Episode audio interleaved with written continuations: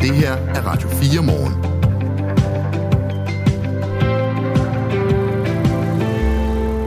God morgen. Klokken er øh, 5 minutter over syv. Det er Radio 4 morgen. Du er stået op sammen med på en, øh, en noget regnfuld og stormfuld øh, mandag morgen.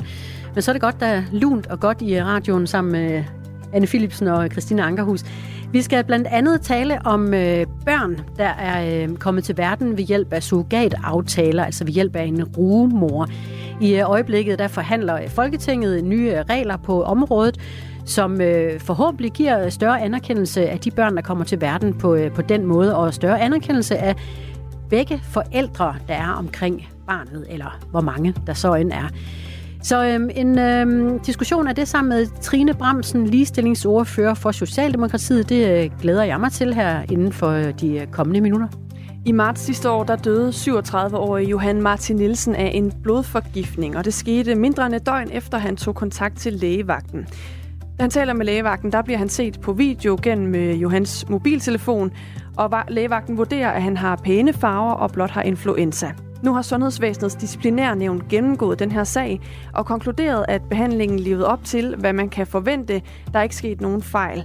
Og det, som vagtlægen så på videoen, har været afgørende for den konklusion selvom hverken nævnet eller den ekspert, der har vurderet sagen, har set videoen. For den er nemlig ikke blevet gemt. Det skal den heller ikke efter reglerne, som de er i dag. Vi skal tale med Johan Nielsens efterladte forlovede klokken halv otte. Hun øh, stiller sig undrende over, at man altså ikke skal gemme videokonsultationerne, øh, når de er, øh, har fundet sted.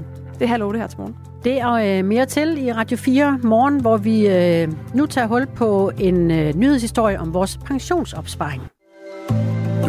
Til Radio 4 morgen. Ja, fordi danskernes opsparinger til alderdommen, de er gennem årtier vokset voldsomt, både på de sådan frivillige opsparinger og dem, vi har, øh, nogle af os gennem vores job. Nu melder spørgsmålet så, om vi har skudt over målet, og om vores øh, store pensionsopsparinger er blevet for meget af det gode.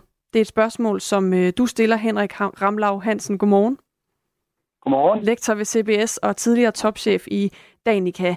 Hvad er det, du frygter, at en øh, kraftigt stigende pensionsalder i kombination med kraftigt stigende pensionsformue kan, kan få konsekvenser?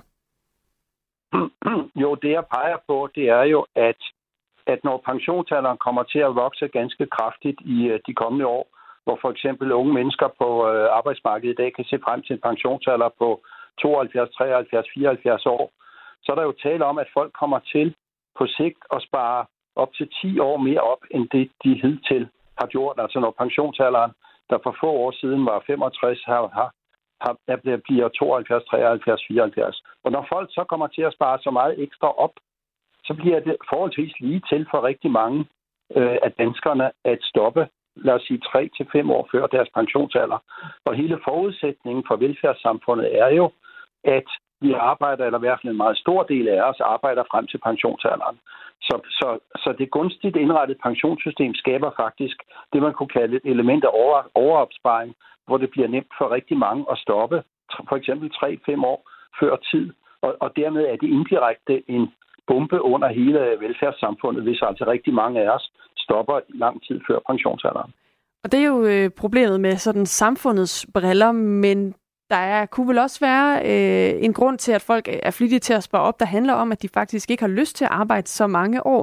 Og så er det jo folks egne penge, øh, der er tale om her. Det bestemmer man vel selv, om man vil bruge dem på at spare op til sin pension. Ja, selvfølgelig gør man, selvfølgelig gør man det. Og det er jo det, der er et kæmpe dilemma for velfærdssamfundet, at vi bliver så rige, at rigtig mange kan, øh, kan, øh, stoppe, øh, kan stoppe tidligere. Og det er så, i den sammenhæng er så min pointe, at Øh, folk må selvfølgelig gøre, hvad de, hvad de, hvad de vil i et øh, frit og moderne samfund, men skal vi have et pensionssystem indrettet, så det rent faktisk øh, direkte nærmest, eller i hvert fald indirekte, opfordrer til, at man trækker sig tidligere. Det er det, der er problemstillingen. Og vi skal jo huske på, at pensionsopsparing er jo på forskellige øh, ledere kanter øh, skattebegunstiget, så det sker jo med, hvad skal man sige, med skattekroner. Og derfor er det et en, øh, dilemma, hvis pensionssystemet i virkeligheden skaber mulighed for at stoppe meget tidligere end, øh, end forudsat. Hvad foreslår du så, man kan gøre, hvis man vil undgå det? Jo, altså, det er jo, det er jo forholdsvis oplagt at for eksempel at sige, at når hver gang man sætter pensionsalderen op, Og vi skulle huske på, at pensionsalderen er allerede vedtaget at stige til 69 år i 2035, og Folketinget skal formentlig næste år tage stilling til, om pensionsalderen skal sættes op til 70 år, altså med virkning fra 2040. Så det mest oplagte vil måske være, at hver gang man sætter pensionsalderen op, så sætter man de officielle pensionsbidrag, altså det, man indbetaler fra for eksempel fra sin arbejdsgiver på 12, 15, 18 procent, man sætter det lidt ned. Så hver gang man sætter pensionsalderen op, kunne man overveje at sætte pensionsbidraget lidt ned. En anden mulighed, der også er oplagt, det er, at når pensionsalderen på sigt bliver 10 år mere, Øh, eller op til 10 år mere, end den er i dag, så kunne man jo også sige, hvorfor skal unge mennesker, der er 22-25 år, hvorfor skal de starte med at spare op allerede, når de er 22-25 år? Skulle man ikke vente med den egentlige pensionsopsparing, til man for eksempel øh, er 35 år? Det var en anden mulighed. Så kunne man jo også starte opsparingen 10 år senere. Unge mennesker har jo normalt ret mange, øh, eller ret meget andet at bruge deres penge til, end at indbetale til pension. Du får lige en sms fra en, der lytter med og har skrevet ind på 1424. Øh, vedkommende skriver, at der er ingen som helst garanti for noget som helst, når vi skal pensioneres. Vi har været vidne til en ringere og ringere service i kommunerne, og selvfølgelig vil folk der ikke vente til de bliver 73 år, før de skal pensioneres, står der altså i den her besked. Henrik øh, Ramlau Hansen, der er jo også noget af det der, der handler om, som, som lytteren her siger, at man jo heller ikke ved, hvad der sker i fremtiden, og man ved ikke, hvad for nogle vilkår man har, øh, når man selv skal på pension. Og selvom man måske kun er i 20'erne i dag, øh, kan du forstå den bekymring, og det der så er måske driver, at folk de sørger for at spare ekstra op? Ja, det kan da sagtens følge. Det kan da sagtens følge. Så, så, så det, det er helt store... Du kan jo tage al balladen, der var med Stor Bededag. Og, og det, der ligger i kortene, det er jo, at folk skal arbejde hundredvis af ekstra dage. Ikke bare én ekstra dag, men hundredvis af ekstra dage, når pensionsalderen stiger. Så det er jo et kæmpe øh, dilemma øh, for, for, for samfundet, om øh, det lykkes med det Frederiksen og politikerne osv., at få os alle sammen til at arbejde så meget, så meget længere. Nu skal man jo huske på, at det er også meget svært for et ungt menneske i dag at forholde sig til, hvor godt et helbred man for eksempel har, når man er 70 år. Det kan være, at man, når man til sin tid bliver 70, så er man frisk, så er man 50 år. Og så er det jo ikke noget problem at arbejde lidt, lidt øh, ekstra. Men, men, øh, men, men, men aviserne er jo for eksempel fulde af historier, hvor det fremgår, at folk, mange, rigtig mange mennesker overvejer at stoppe tidligere. Så det, det, det, det er en kæmpe udfordring for velfærdssamfund, vi taler om her. Men netop derfor er det vel også øh, det, det, du foreslår, hvor man ligesom øh, ser på, på vilkårene for øh, pensionsopsparingen, er vel også noget af det, der så taler, taler imod det, du selv er inde på her. Altså det, at, øh, at, at der kan være mange forhold, der spiller ind. Så hvis man ligefrem opfordrer folk til måske at, at slippe øh, speederen øh, lidt i forhold til at spare op, så er der vel også nogle udfordring med det? Jo, men altså, det er jo, det er jo, en, det er jo en del af den danske velfærdssamfundsmodel, at vi skal arbejde frem mod Øh, pensionsalderen. Og min pointe er så, at det så er hensigtsmæssigt, at pensionssystemet muliggør, at man stopper 3-5 år før, øh, før pensionering. Det er det, der, det er det, der er kernen i min, øh, i min problemstilling. Folk må jo gøre, øh, hvad de vil, men skal vi indrette samfundet, så det skaber en øh, klar mulighed for at stoppe tidligere? Det synes jeg måske ikke er det rigtige at gøre. Og vejen frem er altså at justere i, øh, i øh, pensionsbidragene på den ene eller anden måde, Øh, og, øh, og da folkepensionerne fastsættes af Folketinget og pensionsbidragene af arbejdsmarkedets parter, så vil det være naturligt, at de forhold bliver drøftet i et samspil mellem arbejdsmarkedets parter og regeringen. Og hvis man nu gjorde det, så vil der jo stadig være en mulighed for, at man kunne lave en øh, frivillig øh, pensionsopsparing, og i et andet tilfælde lave en frivillig opsparing, man har på sin egen konto, som man har øh, noget ekstra polstring, og måske kan gå fra lidt før. Den del kan man vel ikke bremse? Nej, nej. Nej, og det skal man vel heller ikke, øh, og det skal man vel heller ikke gøre. Så derfor er vi tilbage til, det, det, det kan meget vel gå hen og blive en udfordring, at når samfundet som helhed bliver øh, betydeligt rigere, hvad jo alt tyder på øh, i de kommende år, om, om det så øh, rent faktisk kan lykkes for regeringen at øh, overtale, så at sige, danskerne til at arbejde øh, så længe. Og, øh, men, men altså, de der fremregninger, der er fra Finansministeriet, vismændene osv., forudsætter jo rent faktisk, at en stor del af os skal arbejde frem til pensionsalderen.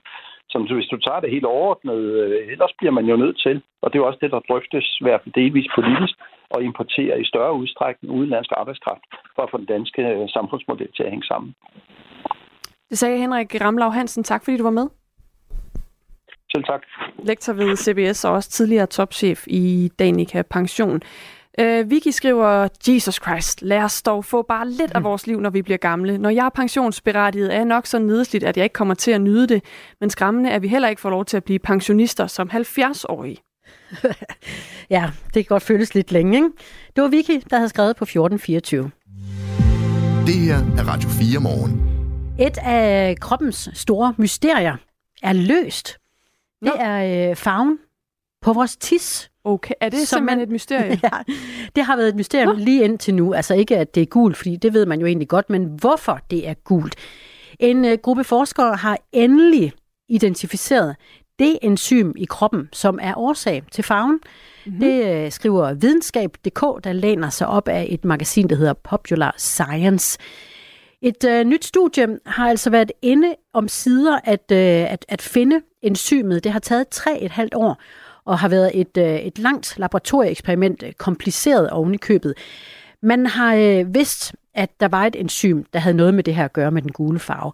Og man har også sådan set været enige om, hvad man skulle kalde det her enzym, nemlig øh, bilirubin reduktase. Men det er først nu, at man har fundet ud af, at det er øh, det enzym, der har sat en bestemt proces i gang, som farver vores tis gul. Okay. Så man har kendt enzymet og tænkt, det har noget med det at gøre.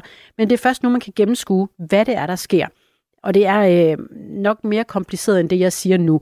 Men det handler om, at når røde blodceller dør, så bliver de nedbrudt i vores lever, og et biprodukt af den proces skaber et gult galleprodukt, som vi nu kalder bilirubin. Og den substans bliver udskilt via leveren til tarmen, hvor tarmbakterier forvandler det til, yes, gul tis. Okay. Det er den proces, man har fundet ud af.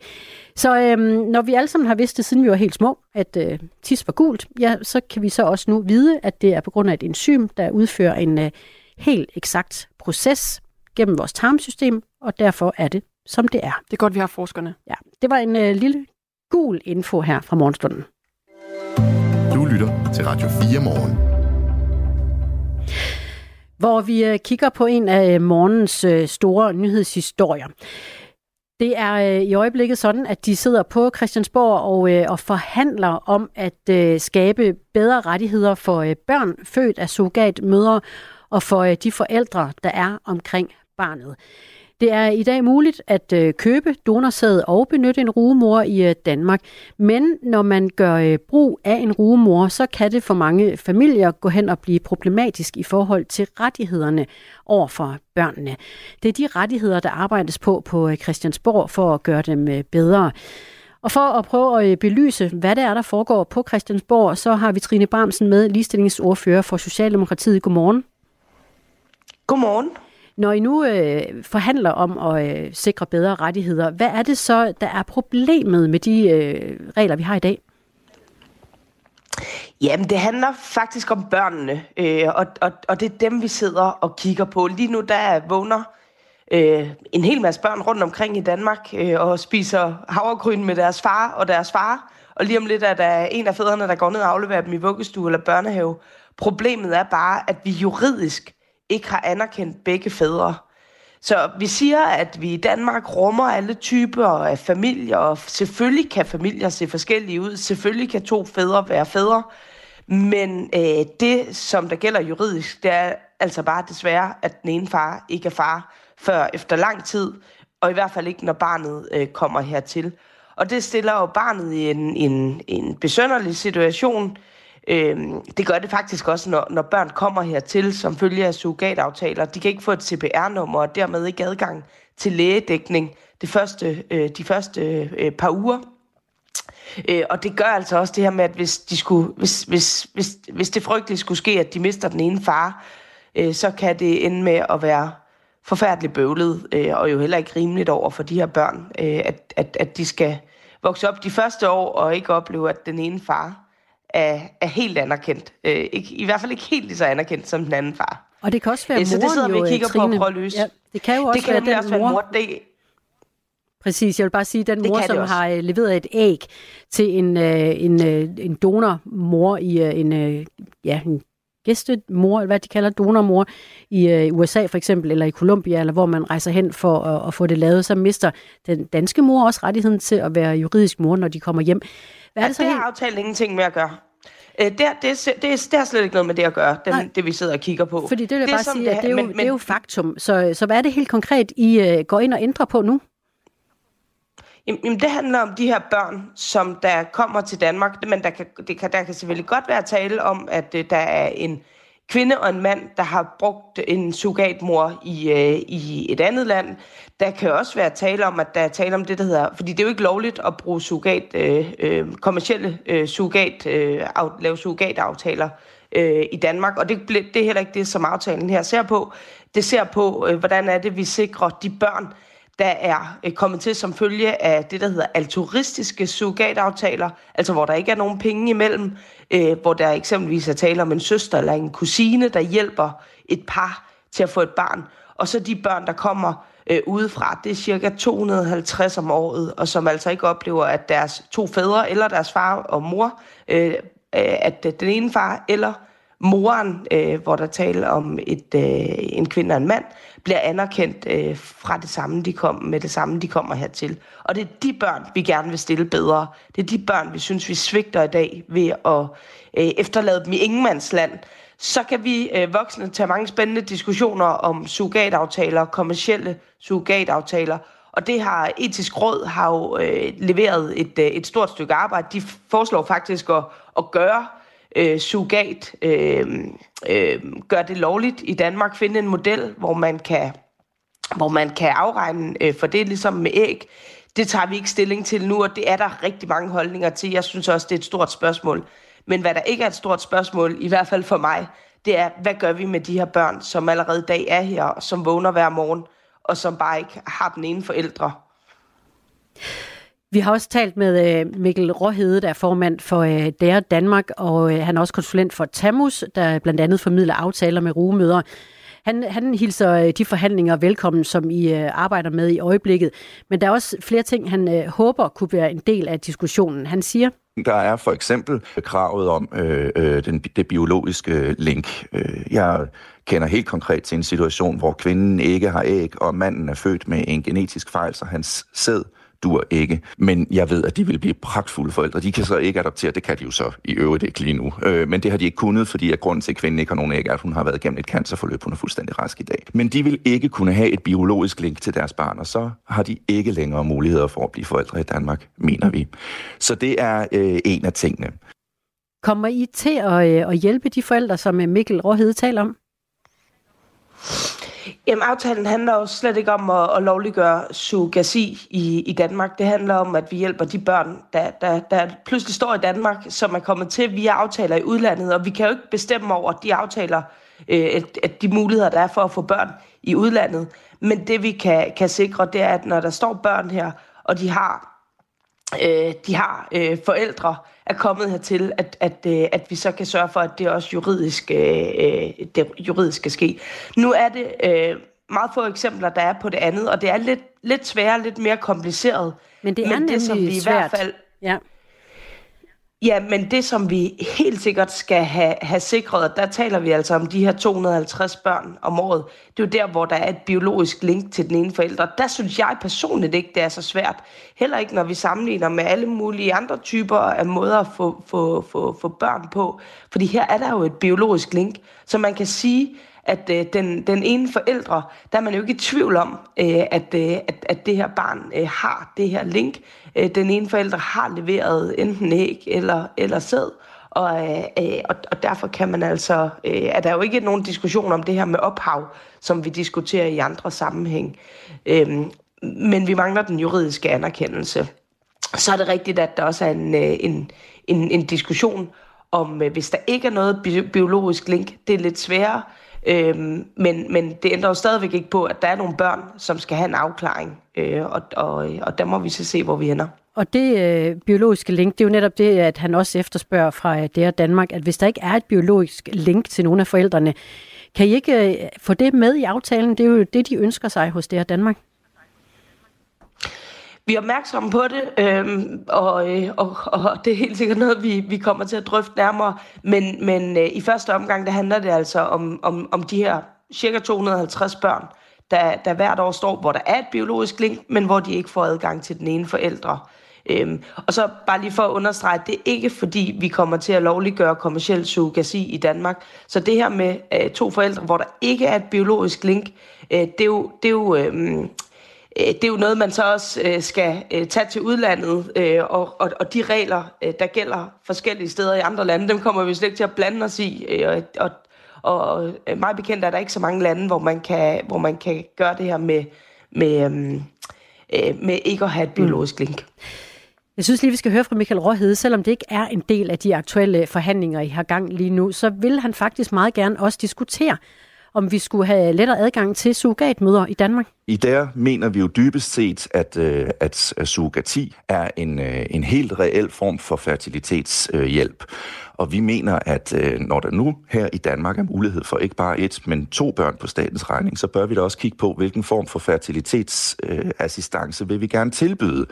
Og der mener vi i der, at vi her i Danmark har så overskudsagtigt et samfund, at vi godt kan gå ind og arrangere øh, surrogati herhjemme. Så national surrogati er absolut på bordet for os. Og Trine Bremsen, folketingsmedlem for Socialdemokratiet, øh, ligestillingsordfører og LGBT plus ordfører også. Det er ikke en del af forhandlingerne, jeg ved det godt, men kunne det blive det på et tidspunkt? Jeg tror da helt sikkert, det er noget, der kommer op som en diskussion, ikke mindst fordi der er ønske øh, fra, fra nogle mennesker om det. Etisk Råd er kommet med deres anbefalinger på det. Det er bare ikke en del af de her forhandlinger. Og jeg synes også personligt, at det er et, et, et, et langt sværere spørgsmål, om man skal begynde at, at lovliggøre øh, surrogasi. Og også lidt mere skeptisk over for det, end, end, øh, end det, der handler om de børn, der hver dag vågner op. Den synes jeg ligger lige til, for vi kan ikke være bekendt over for det her i Danmark, som, som vågner og har to forældre, men hvor vi ikke anerkender den ene forældre. Hvad gør der skeptisk, Trine Bremsen, ved, at det skulle være en, øh, en dansk rumor?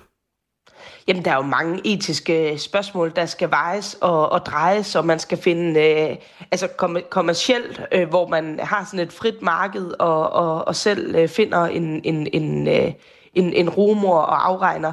Det, det synes jeg er... Øh, det synes jeg er, er, er meget voldsomt, øh, men det som etisk råd lægger op til er jo noget helt andet. Det er, at man, at ligesom man kan donere æg, har en, øh, en, en model for det. Og der er jo slet ikke nogen, der har, rigtig har udtænkt sådan en model, så, så, øh, så, så det vil jo skulle være første skridt i sådan nogle forhandlinger øh, og, og drøftelser. Jeg er sikker på, at vi får dem. Det er bare ikke en, øh, en, en del af det her, og jeg synes også, at de, de stiller langt mere spørgsmål, øh, flere spørgsmål, end, end de giver svar, øh, og begynder at åbne det, det kapitel op. Trine Bramsen, folketingsmedlem fra Socialdemokratiet og øh, ligestillingsordfører med mere. Øh, tak for det her til morgen. det var altså lidt, og god dag. I lige måde. Du lytter til Radio 4. Måske fordi du altid holder den mulighed åben, at det også kan være dig, der tager fejl. Radio 4. Ikke så forudsigeligt. Det republikanske kapløb om, hvem der skal øh, være deres kandidat til at blive USA's næste præsident, har mistet endnu en kandidat. Det er sådan lidt et udskillelsesløb, som altså nu øh, har fået en, øh, en ny udvikling. Floridas guvernør Ron DeSantis har trukket sig fra øh, den primære valgkamp, der er i gang i øjeblikket på republikanernes side. Men nu er feltet stævret noget ind. Det må man sige. Altså, øh, vi er der nu, hvor at der faktisk kun er øh, to tilbage.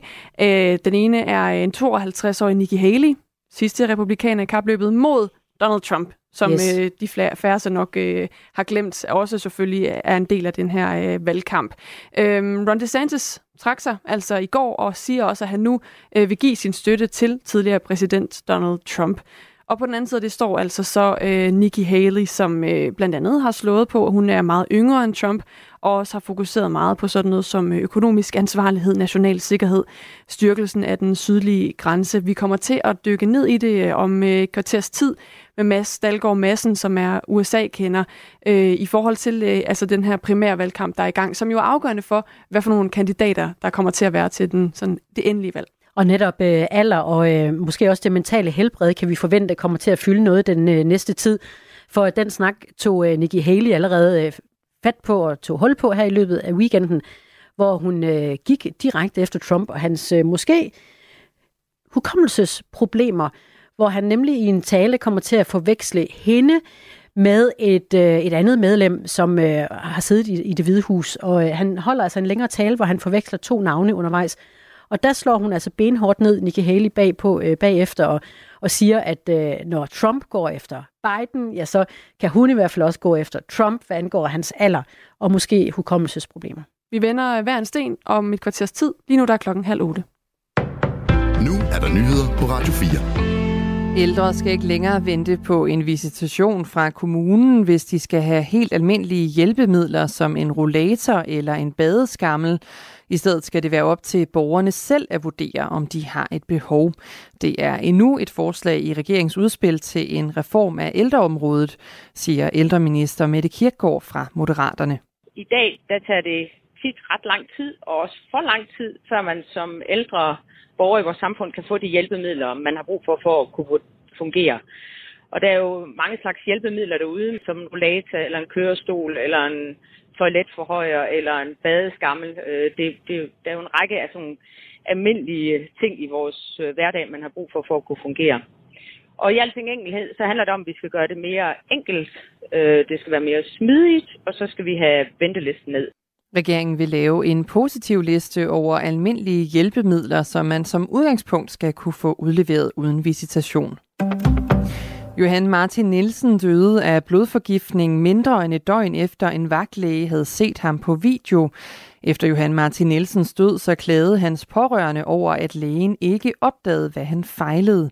Og Radio 4 undersøger kan nu fortælle, at videokonsultationen blev afgørende for klagesagen, selvom ingen har set videoen. Hverken Sundhedsvæsenets disciplinærnævn eller den uvildige læge, som har vurderet sagen, har set videoen, for det er nemlig kun lyden fra videoen, der er blevet gemt. Alligevel så mener nævnet, at videoen var med til at give et retvisende billede af Johan Martin Nielsens tilstand. Lægen, der så Johan Martin Nielsen på video, skrev bagefter i journalen, at han havde pæne farver. Men hvis man havde kunne se videoen, så havde det været tydeligt, at det ikke var tilfældet, siger hans forlovede Sabrina Søgaard. Hans farver var ikke fine. Øh, han var grå og klam i huden, han havde indsunkne øjne, han havde sortrender under øjnene.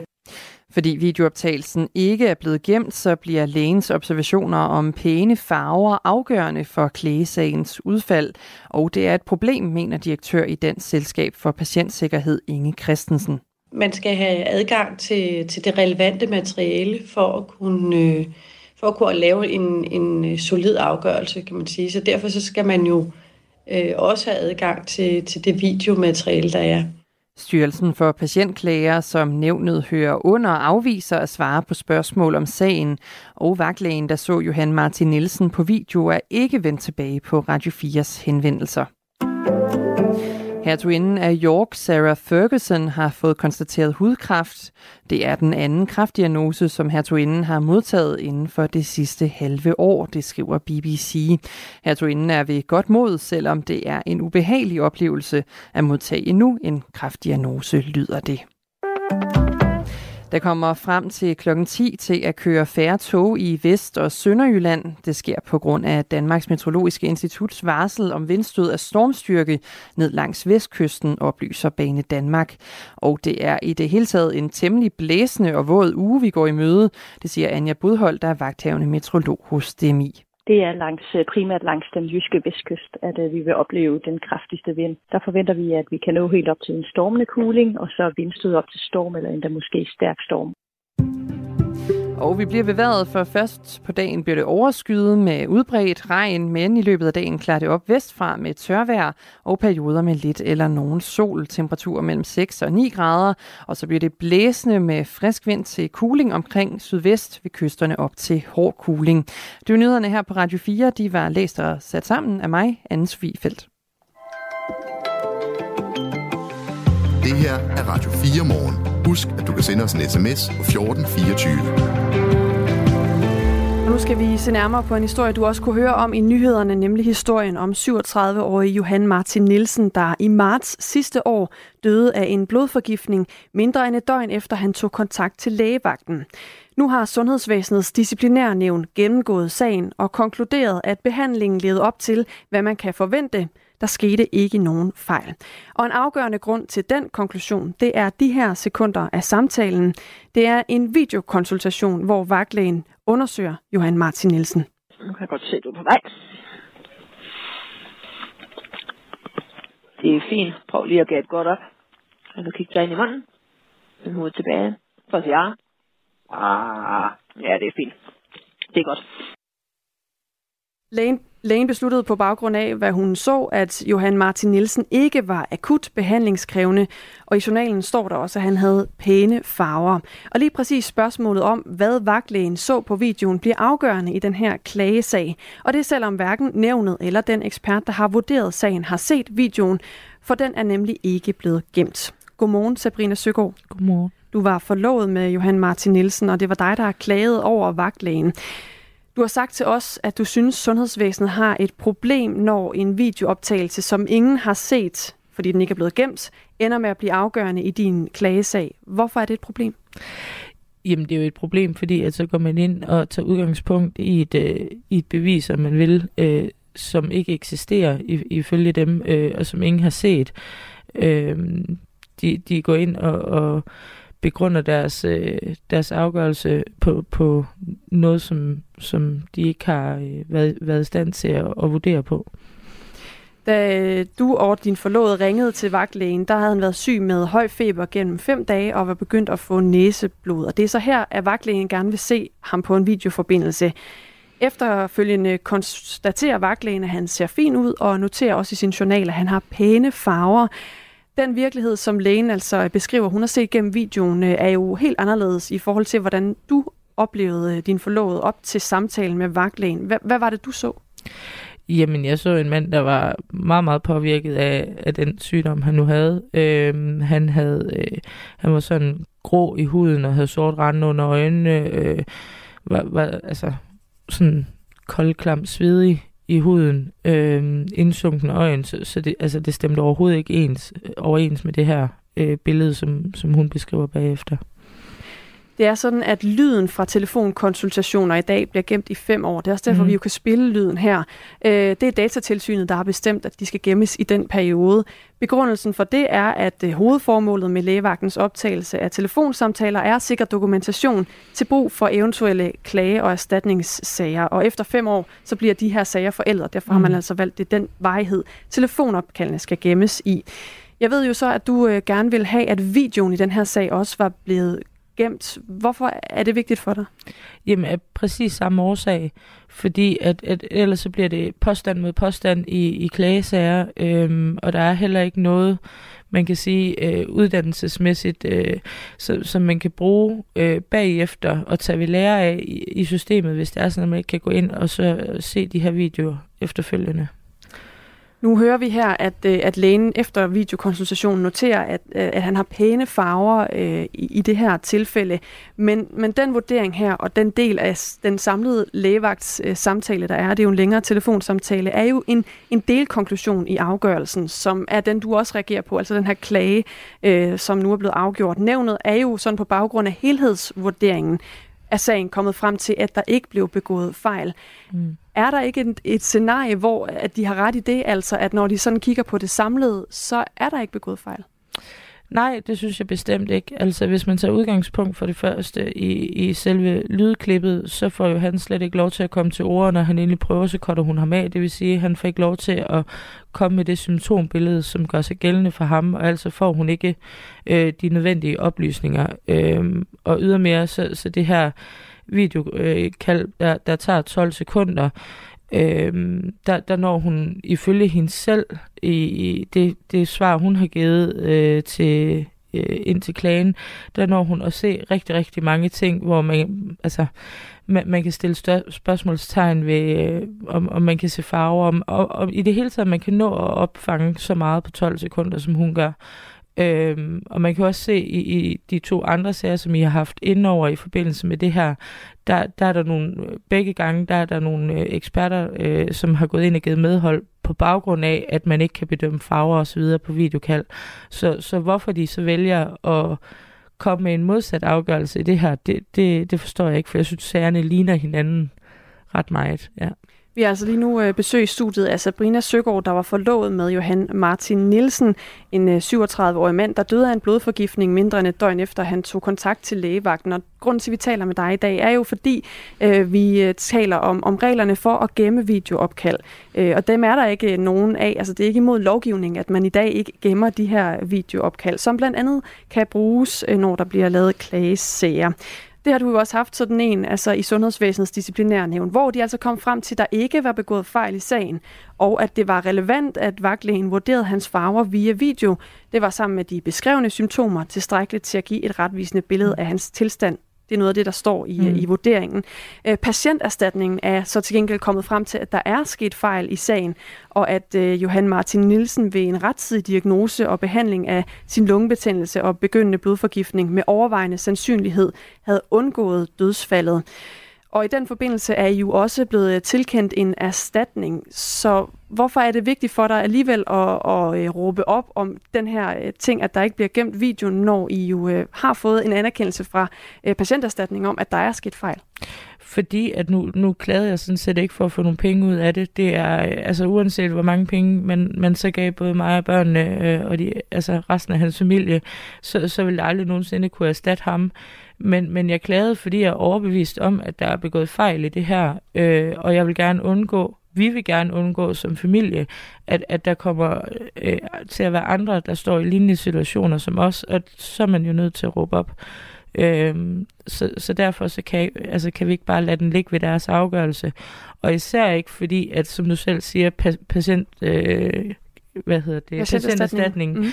har meget, meget specifikt i deres afgørelse gået ind og vurderet, øh, hvad der er gået galt, og, og hvad de skulle have gjort øh, anderledes. Og det har regionen jo været inde og acceptere, og acceptere, når jamen det, det er fair nok, så giver vi en erstatning på baggrund af det.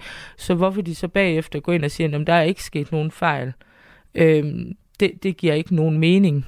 Øh, ja, der, der er mange ting i deres afgørelse, som, som taler imod deres beslutning, eller hvad man kan sige, som jeg synes underbygger, at, at tingene ikke er undersøgt ordentligt. Og kernen i det her er jo så, øh, hvor længe man gemmer video, eller om man overhovedet gemmer det ude mm. i regionerne, og dermed kan se på videoen, når man skal vurdere de her klagesager. Mm. Øhm, hvad håber du, at der sker på det her område? Jamen, jeg håber, at, at øh, vi kan komme frem til, at der, der er nogen, der tager fat i det her, så, så på fremadrettet sigt, der kan komme nogle retningslinjer for, hvordan øh, bruger vi de her, øh, altså hvordan skal vi bruge de her videokald, hvad fungerer, i hvilke situationer fungerer det, i hvilke situationer fungerer det ikke, øh, hvor er faldgrupperne henne, øh, og så håber jeg jo selvfølgelig på, at det kommer frem, at, at, at det skal gemmes, ligesom alt andet journalmateriale skal gemmes i vores øh, sundhedssektor, så skal videokaldet også.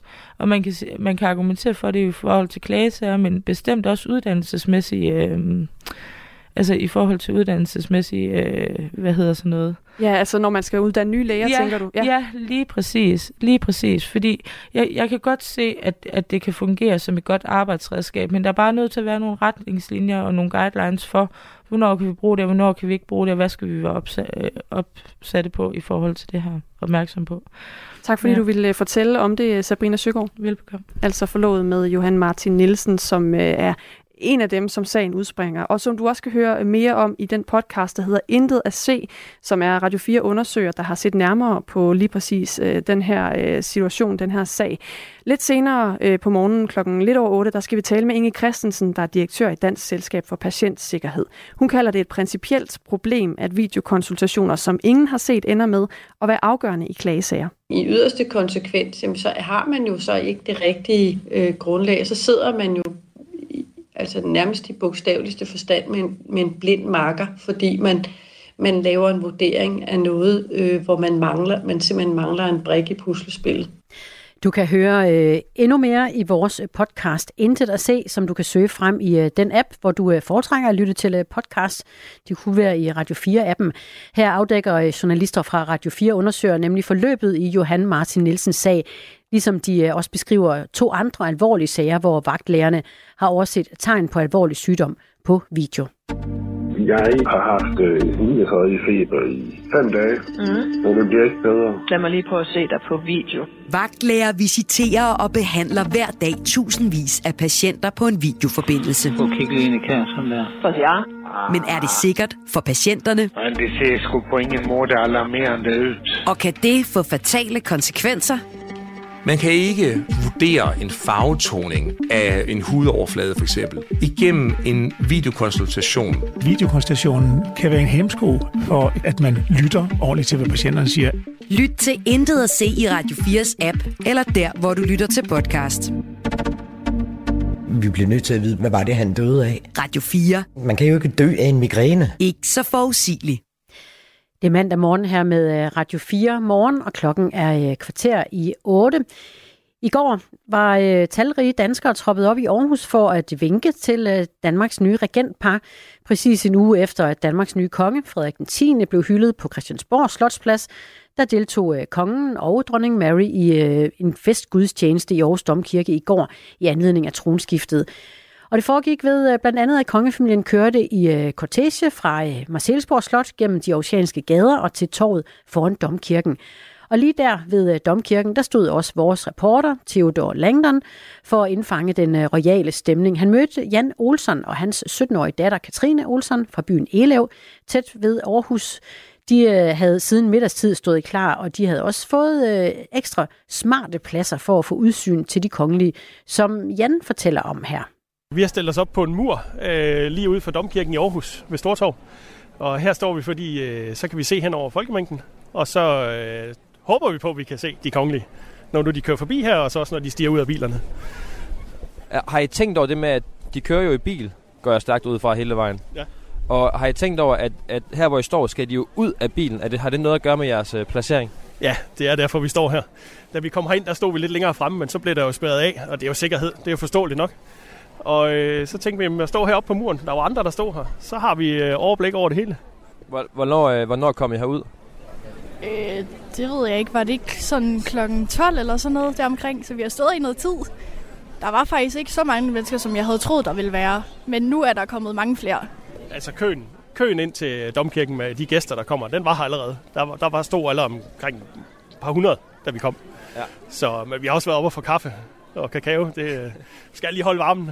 Hvordan, hvordan tror I, det her kommer til at blive i forhold til, at nu er det i Aarhus, og nu er det ikke, nu er det ikke København og hovedstaden? Hvad tænker I, I om det? Altså, der er jo stadig mange mennesker. Hvis man kigger på Stortorv nu, så står der jo rigtig mange mennesker herude nu. Øh, faktisk hele vejen. Øh, og det tænker jeg også, der står op igennem, øh, op igennem strøget. Der tror jeg, der, jeg tror, der står nogen hele vejen op. Øh, men jeg tror ikke, det bliver lige så... Jeg ved ikke, om jeg vil kalde det voldsomt, men jeg tror ikke, der er lige så mange som i København. Det tror jeg ikke. Mm. Men øh, jeg synes, det er fedt. Hvad, hvad tænker du om, at øh, kongeparet har valgt at lægge øh, festgudstjenesten her i Aarhus og ikke i, i København, som man også kunne have gjort? Det synes jeg er en mega fed ting, så at dem, der bor på Jylland, også har en bedre chance for at se dem, så man ikke skal hele vejen til København. Så det synes jeg er vildt fedt. Er, er I sådan en royal familie, eller følger I normalt med, eller hvordan? Ikke sådan mega meget, men jeg synes, det er spændende, når de sådan kommer til Aarhus, eller kommer ind og ser dem på Marcellesborg. Det synes jeg er vildt hyggeligt. Hvad, hvad håber du allermest på i dag? At se kongefamilien, og at det bliver en mega fed stemning. Hvordan med, hvordan med din generation? Nu er du 17 år. Hvordan, hvordan, er, hvordan tænker din generation om kongehuset?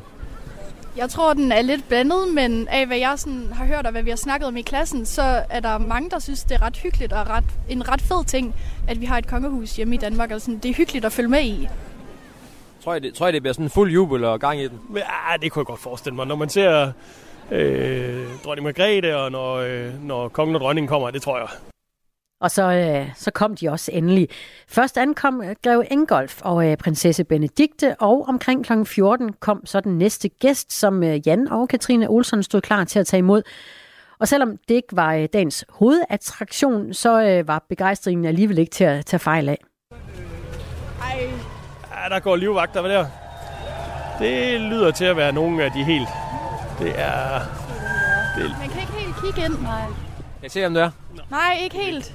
Nok når de ser ud. Der var flag på, flag på bilen. Det var der, ja. Og så var der øh, sikkerhedsfolk omkring bilen. Simpelthen dronning Margrethe. Dronning Margrethe, der kom der. Simpelthen. Hun har pelsjakken på. Ja. Ja.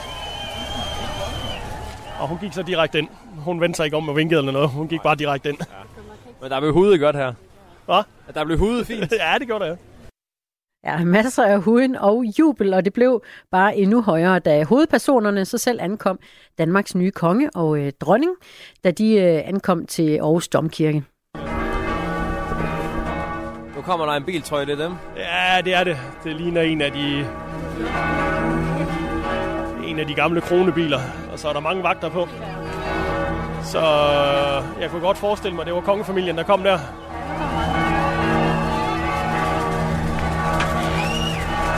det er det.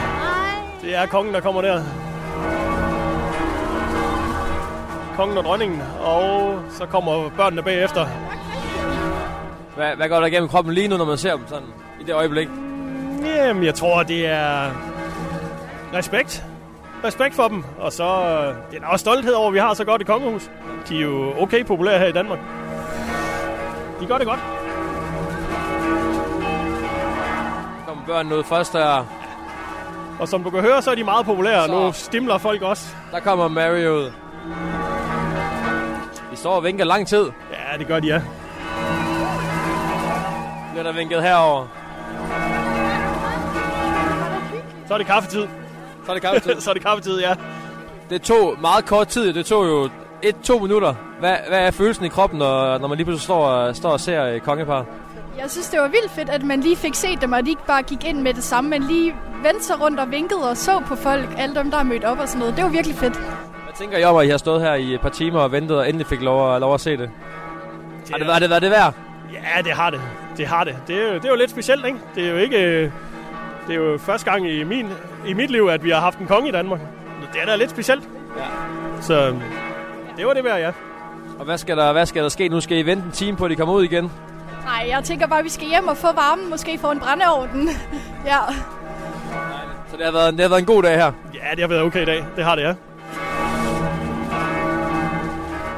Det var Jan og Katrine Olsons begejstring, vi øh, fik lov at nyde godt af her.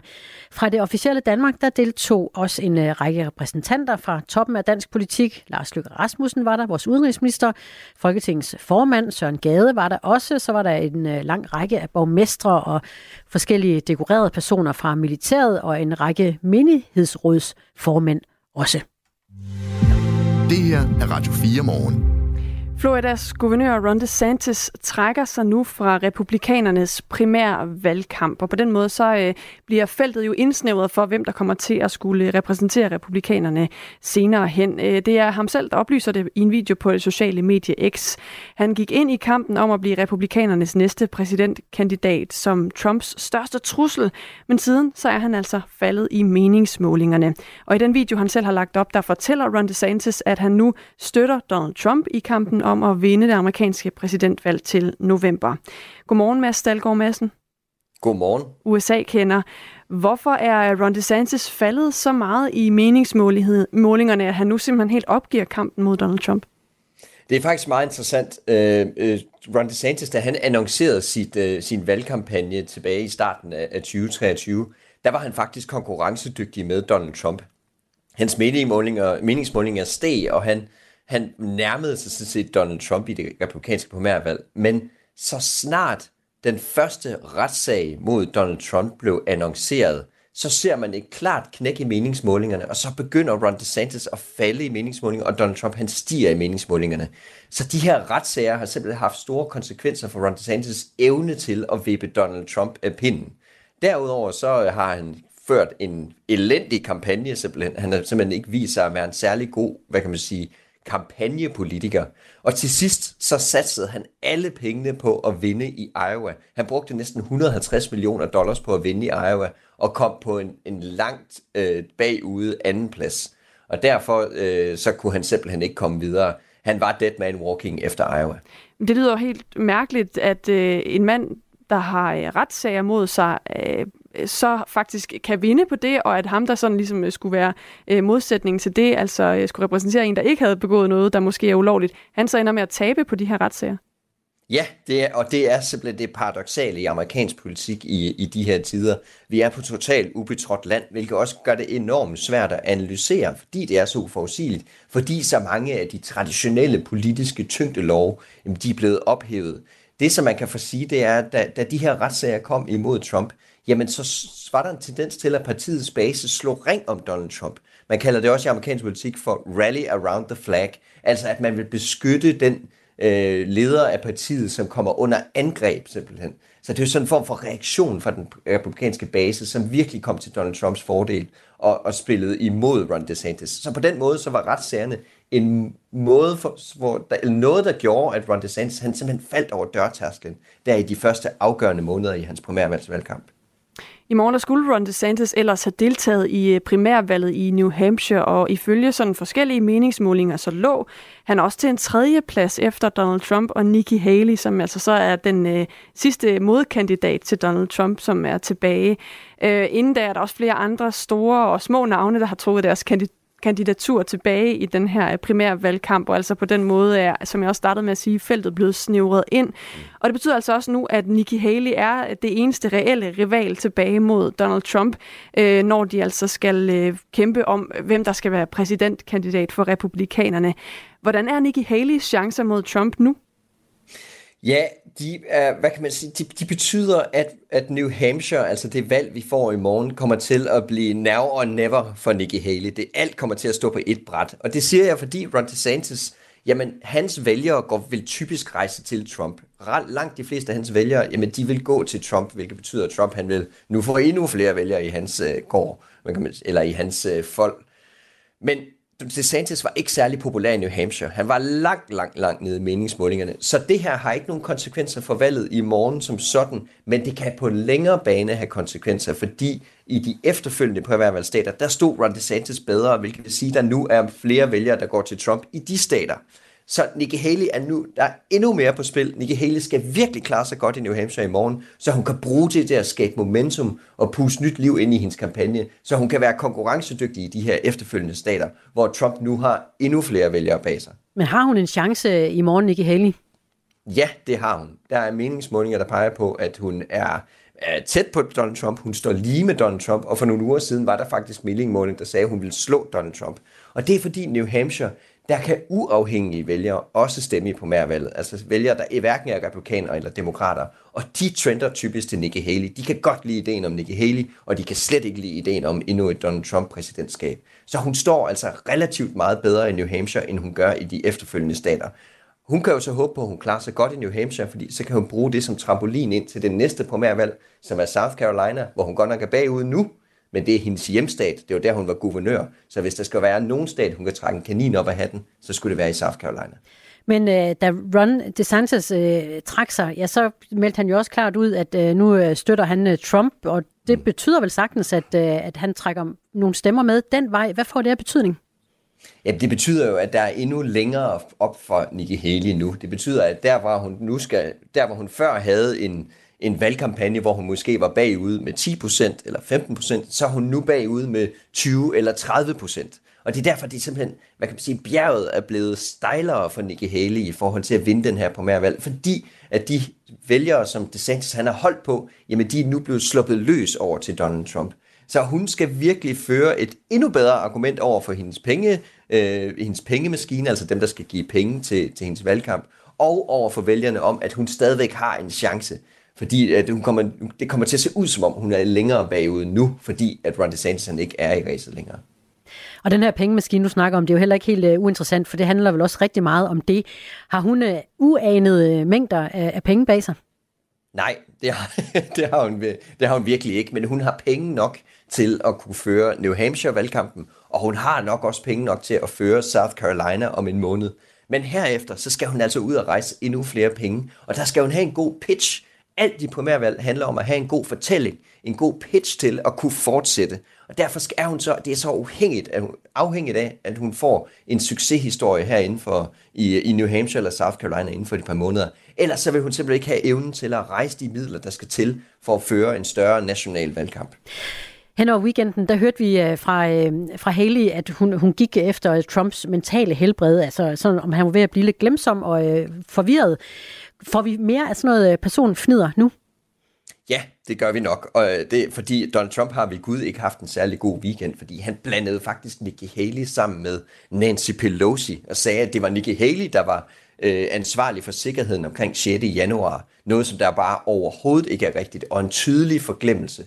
Som Nikki Haley med det samme hoppede på og sagde, jamen prøv at se, det her det er et tegn på, at vi ikke skal have en valgkamp, hvor det er to 80-årige mænd, der skal kæmpe mod hinanden to 80-årige mænd er simpelthen ikke klar til at blive præsident i USA. Og der går hun jo efter struben på, øh, på, på Trump og håber på, at hun kan få lidt af den øh, hvad kan man sige, alderdomshed, som der har været så stor skade til Biden-kampagnen, at hun kan prøve at få den til at smitte af på Trump-kampagnen. Så hun går virkelig efter aldersspørgsmålet, som nok også er hendes øh, hvad kan man sige, stærkeste kort i de kommende uger. Mads Dahlgaard Madsen, USA kender. Tak fordi du var med med en dukfrisk analyse fra det amerikanske valg. Det var så lidt. Godmorgen. Godmorgen. Efter nyhederne skal vi se nærmere på historien, vi tog hul på lige før, nemlig at videokonsultationer i lægevagten ikke bliver, glemt, eller bliver gemt. Det er for kritik fra Dansk Selskab for Patientsikkerhed. Men nu er klokken 8. Du har lyttet til en podcast fra Radio 4. Find flere episoder i vores app, eller der, hvor du lytter til podcast. Radio 4. Ikke så forudsigeligt.